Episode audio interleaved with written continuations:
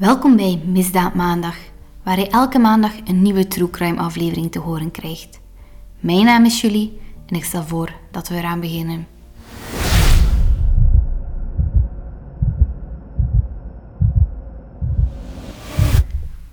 Wat een gezellig weekendje weg moest worden, draaide uit op een nachtmerrie voor de familie van Cleo Smit.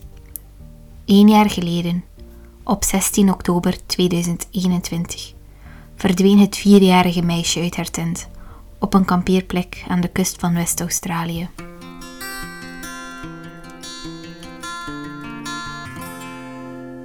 Op 15 oktober 2021, rond half zeven in de avond, kwam het gezin aan op Blowholes Campsite. Mama Ellie en stiefpapa Jake groeiden hier in de buurt als kind op en wilden de plek graag met zijn twee kleine meisjes, Cleo en Ayla, delen. De avond verliep perfect. Ze aten samen, staken het kampvuur aan en roosteren nog wat marshmallows. Precies hoe een eerste avond tijdens het kamperen hoort te zijn. Cleo is moe van deze avontuurlijke dag en om acht uur s avonds gaat ze gaan slapen in de tent. Ze wordt om half twee s'nachts nog wakker en vraagt om water. Daarna valt ze terug in slaap. Om zes uur s morgens, we zijn ondertussen 16 oktober, wordt het gezin wakker. En dan doen ze de vreselijke ontdekking. Cleo en haar slaapzak zijn weg. De tent waarin de familie sliep was geopend tot ongeveer 30 centimeter van volledig open te zijn. Er volgt een korte zoektocht rond de tent. Misschien is Cleo uit zichzelf opgestaan en zit ze buiten te spelen, maar al snel blijkt dat dit niet het geval is. Om 6.23 uur wordt Triple Zero, het Australische noodnummer, gebeld. My daughter is missing. I can't find my daughter. Dat zijn de woorden die Ellie, de mama van Cleo, uitsprak. Zeven minuten later, om half zeven, wordt een politieauto gedispatcht met prioriteit twee omstandigheden. Lichten en sirenes aan en de toegestane snelheid mag overschreden worden. De tweede politieauto vertrok elf minuten later. Wanneer de politie om tien na zeven aankwam op de kampeerplaats, werd de plek rond de tent meteen afgezet. Dit is om ervoor te zorgen dat er niet meer mensen de tent betreden en zo onbewust mogelijke sporen zouden uitwissen. Om 25 voor 9 werd de hoofdweg die van en naar de kampeerplaats leidt afgesloten. En enkele uren later werd een oproep om uit te kijken naar Clio op Facebook gedeeld. De volgende dagen werd een van de meest vermoeiende zoektochten in de geschiedenis van Australië georganiseerd. Helikopters, drones, politie te paard, vrijwilligers die op de grond zoeken, maar Clio wordt niet gevonden. Mama Ellie verklaart nog dat Clio nooit uit zichzelf zou weggaan. Quote, ze zou ons nooit verlaten en ze zou de tent ook niet verlaten. Het moment dat Ellie besefte dat haar dochter echt weg was, was toen haar hart haar vertelde dat ze er niet meer was. Dat ze niet ging terugkomen die dag en in haar armen zou springen. Clio was nergens in de buurt en op dat moment besefte ze dat iemand haar dochter had meegenomen. Vier dagen nadat Cleo verdween, op 20 oktober, verklaart commissaris Daryl Gaunt dat de beweringen dat de zaak wordt behandeld als een ontvoering niet correct zijn. Hij zei dat de zaak werd behandeld als een zoektocht. Ze gingen er niet vanuit dat kleine Cleo ontvoerd was. Ze zaten er duidelijk serieus naast. Die dag op 20 oktober was het ook heel slecht weer. De zoektocht werd vertraagd en uiteindelijk werd ze uitgesteld. Inspecteur John Munday vond het wel een verdachte situatie en was bezorgd om de veiligheid van Cleo. De rits van de tent waar Cleo sliep was veel te hoog opgetrokken. Het kleine meisje kon daar niet aan, dus kon het zij niet zijn geweest die de tent had opengedaan. Het kon niet anders dan dat er een andere persoon betrokken was. Pas op 21 oktober, vijf dagen na de verdwijning van Cleo, werd aangekondigd dat de politie ervan uitging dat het meisje ontvoerd was. Er werd een oproep gedaan naar getuigen die iets zouden gezien hebben de nacht van 15 op 16 oktober. Met elke dag die voorbij gaat, is de kans dat Cleo veilig en wel wordt teruggevonden kleiner. De statistieken zijn heel erg zwak voor kinderen die na lange tijd levend worden teruggevonden. In zaken zoals deze worden kinderen meestal binnen de 3 tot 6 uur vermoord. De ouders van Cleo werden meteen op de hoogte gebracht van deze statistieken.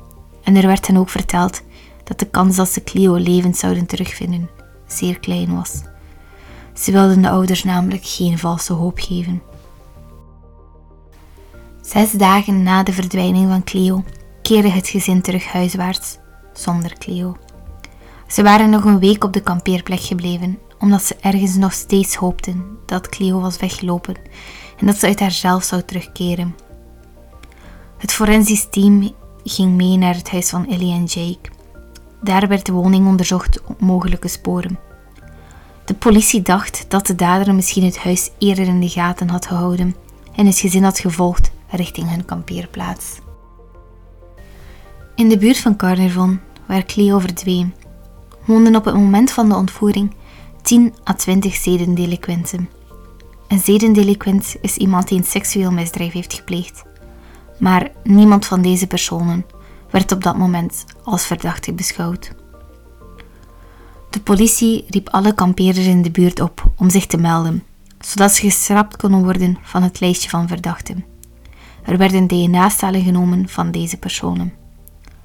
Natuurlijk hield inspecteur Menday in zijn achterhoofd dat het zeker mogelijk was dat de persoon die Cleo had meegenomen al lang was verdwenen voordat de politie ter plaatse was en de weg had afgezet. Wie zich in een zeer ruime straal van de camping bevond, kreeg ook de vraag om zijn of haar dashcam en bewakingsbeelden door te sturen naar de politie. Vooral eigenaars van motels, tankstations, fastfoodrestaurants, kledingwinkels voor kinderen en apotheken zouden cruciale info in hun bezit kunnen hebben. De premier van West-Australië, Mark McGowan, loofde 1 miljoen Australische dollars uit als beloning voor informatie die leidde naar het vinden van Clio of voor info dat leidde naar de arrestatie of veroordeling voor de persoon of personen betrokken bij de verdwijning. Er werd ook gedacht dat Clio uit West-Australië kon zijn meegenomen, maar die kans leek eerder klein. Politiecommissaris Chris Dawson verklaarde dat er een grenscontrole was wegens de COVID-19-pandemie, dus dat het moeilijk zou zijn geweest om onopgemerkt de staat uit te gaan. Maar het bleef natuurlijk niet onwaarschijnlijk. Ellie en Jake, de ouders van Cleo, hebben altijd geloofd dat een vreemde hun kleine meisje had meegenomen. Het onderzoek naar de verdwijning van Cleo zat vast. Ook al ging de politie er nu van uit dat Cleo werd ontvoerd, ze hadden geen enkel spoor naar wie de dader zou kunnen zijn. Maar dan, een week later, kwam er een nieuwe tip binnen.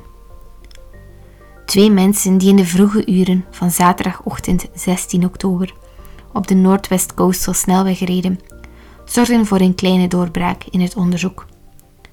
Toen de auto de afslag naar Blowholes passeerde, vingen ze een vluchtige glimp van een auto op. Raar, vonden ze, want het was half vier in de nacht. Wie rijdt er dan weg van een kampeerplek?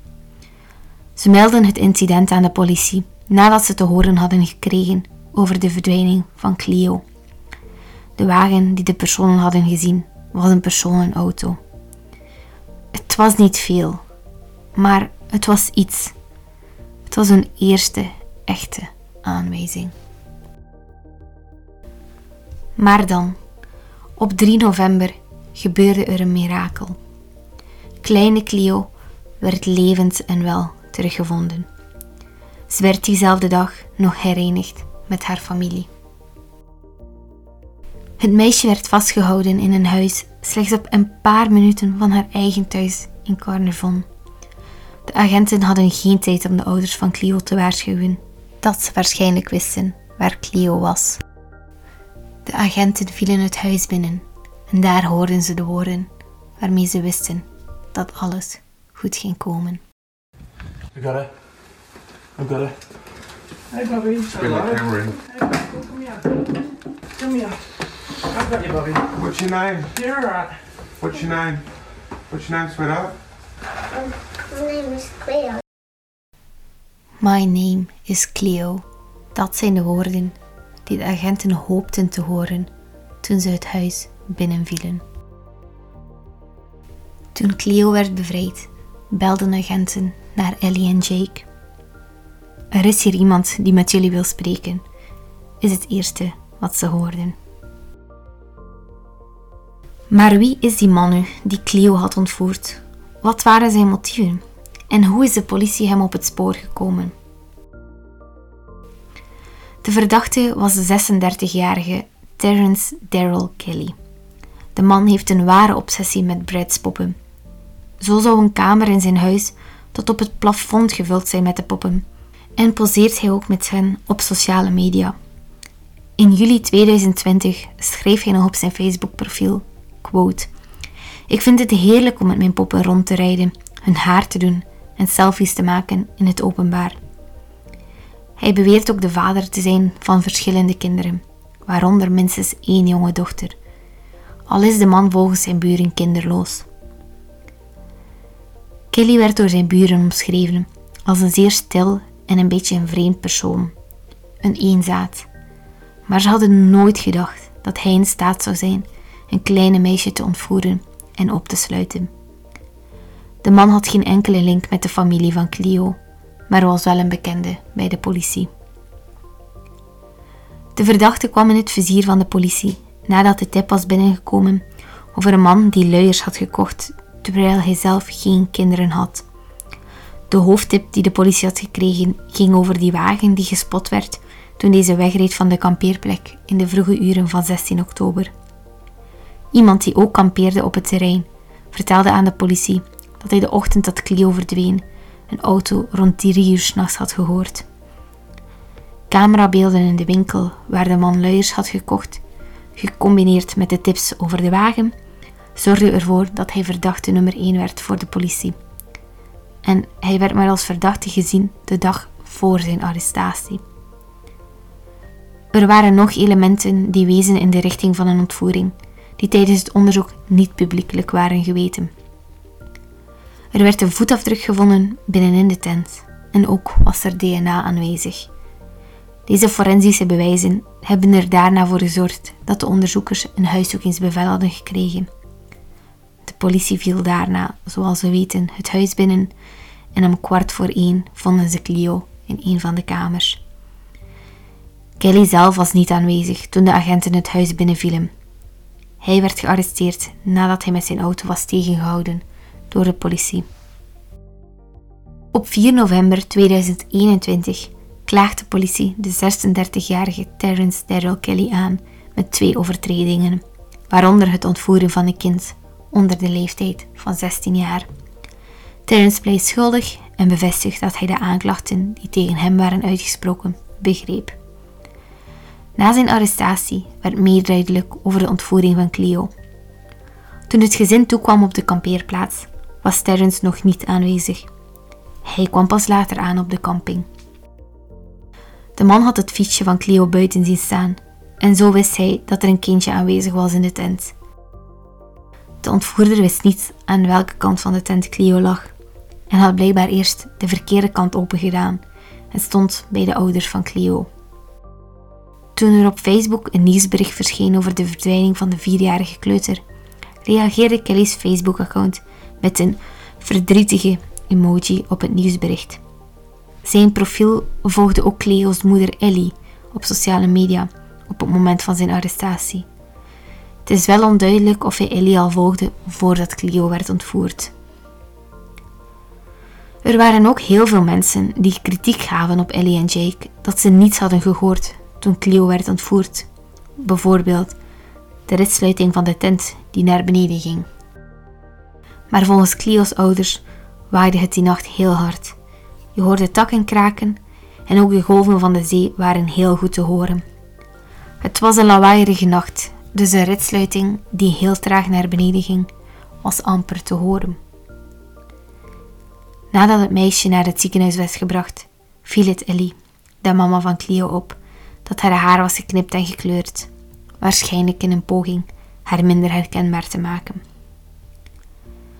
De ouders van Clio verklaren dat hun vierjarige dochter een leugen had te horen gekregen van haar ontvoerder op het moment dat ze in de nacht van 16 oktober uit de tent werd meegenomen.